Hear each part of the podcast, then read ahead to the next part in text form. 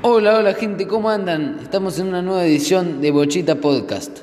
Hoy me encuentro acá presente con dos grandes críticos de cine, Valentín Hirfeld y Conrado Gómez Taramoni. Hola, ¿qué tal Ulises? Un gusto.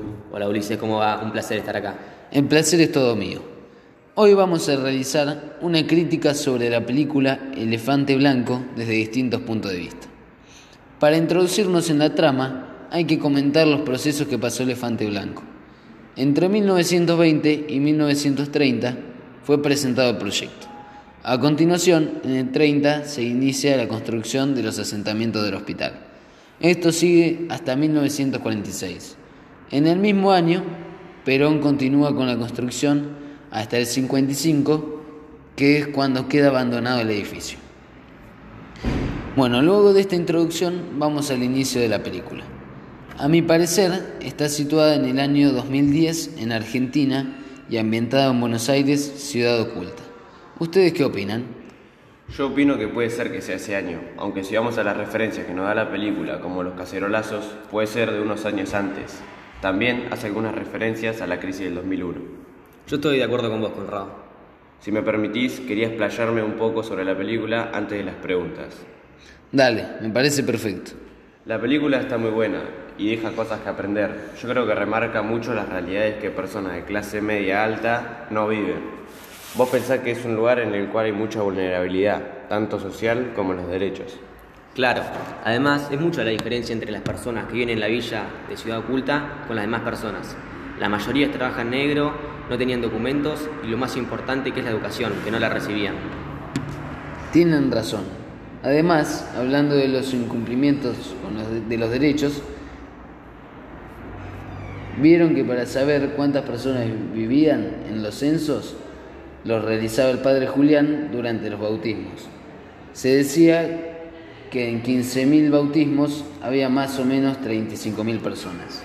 Es precisamente lo que decís. Encima el Estado ni siquiera interviene, como si no importara. El gobierno supuestamente ofrece lo que es una ciudadanía asistida, que para el que no sabe qué es esta ciudadanía, es la que comprende las situaciones de desigualdad social como un problema a resolver. Y lo que hace es no darle bolilla a la gente del barrio.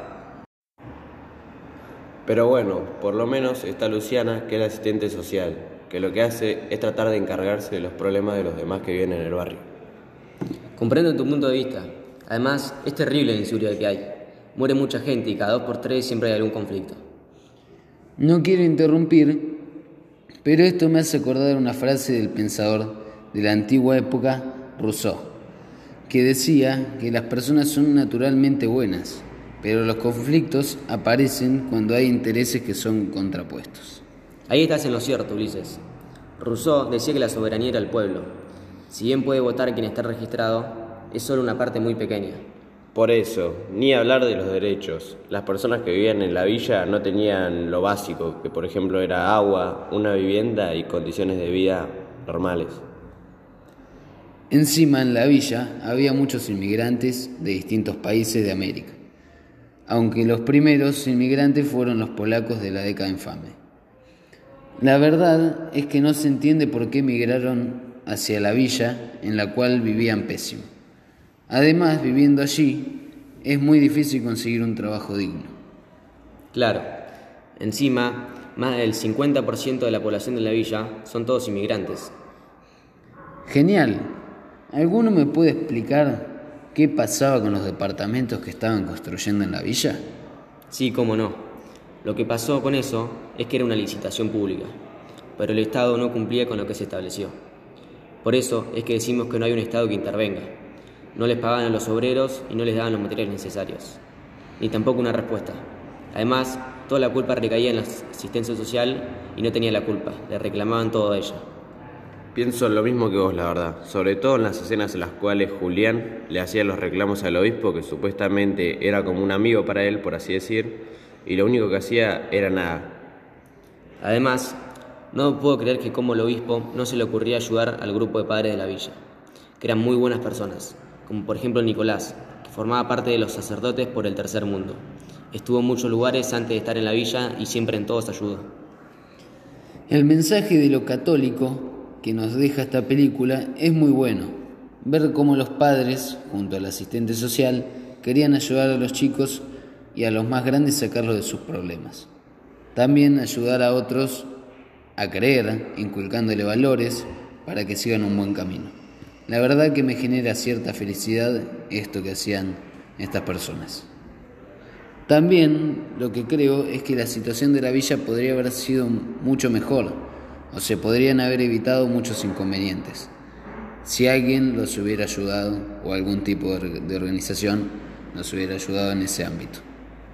Como ya hablamos de la película y de distintos temas, ¿qué les parece hacer una conclusión? Dale, arranco yo.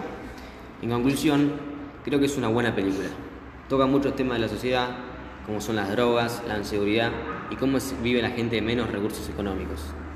Lo que está muy bueno también es que el lugar existe de verdad.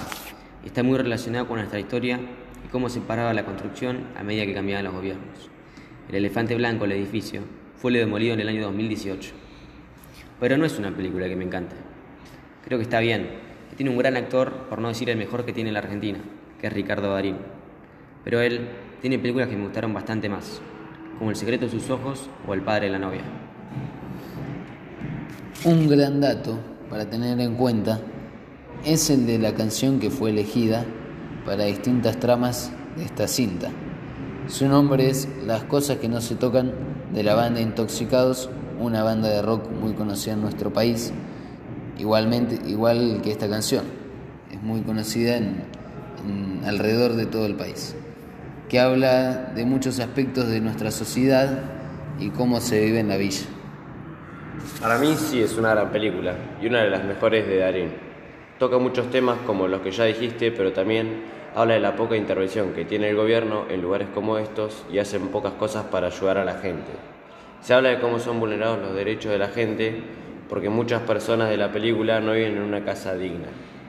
Algo que también me parece que está bien es cómo es llevado cómo muere el padre Julián, ya que en el país de Argentina pasan siempre injusticias como estas y es algo que debería parar. También está bueno el cast de todos los personajes en general y la ambientación de la película, ya que fue grabada en la ciudad oculta, es decir, el lugar de los hechos. Ulises, ya sé que vos no sos crítico de cine, pero ¿a vos qué te pareció la película? Bueno, voy a dar mi punto de vista del espectador, porque no sé mucho de cine, pero es una película que está buena y sobre todo los temas que toca. Pero se me hizo pesada de ver en algunas partes y no pude empatizar con algunos personajes. Pero los que saben acá son ustedes, así que creo en su opinión que es más válida. Sí, me parece que tenés razón, Ulises. También lo malo de esto es que el edificio fue desaprovechado. El gobierno militar autodeterminado Revolución Libertadora abandonó la construcción luego de la presidencia de Perón. Durante aquel gobierno militar, el mantenimiento empeoró y en ese momento fue ocupado por la gente de bajos recursos, siendo abandonado en 1991. En 2007, el gobierno de la ciudad cedió el edificio a la Fundación de Madre de Plaza de Mayo, y así se puso un poco en condiciones. Este edificio fue usado como jardín maternal donde se hacía ropa de trabajo y cortinas. No quiero dejar pasar por alto lo que dijiste acerca de la canción sobre la película, ya que es algo muy importante, porque complementa perfectamente cómo, cómo está vivido el ambiente y cómo pasan todas las situaciones. Y es algo que no siempre se toma en cuenta por la gente, pero es muy importante. Exactamente lo que decís vos, porque en esta película se puede ver cómo los hechos van sucediendo y cómo encajan realmente con los datos de la canción y con su letra. Bueno, gente, como ya saben, se están acercando las nueve y cuarto, queda un minuto, pero lo vamos a extender un poquito más porque me interesa saber qué les pareció el programa a estos dos grandes invitados que tengo en este día. Así que si se animan a decir unas palabras. Bueno, la verdad fue un placer estar acá, Ulises. Gracias por el tiempo y por el espacio y dejarnos dar nuestra opinión a la gente. Espero que les haya interesado mucho y bueno, vamos a ver si dentro de un tiempo vamos a poder hacer algo más nosotros juntos, ¿no? Bueno, ¿y vos, Conrado, qué te pareció? Bueno, lo que yo quería, primero que nada, era agradecerte por este espacio y por invitarme a estar acá. Y lo que espero es que les haya quedado algo a los espectadores de todo lo que dijimos a lo largo de la entrevista. Muchas gracias.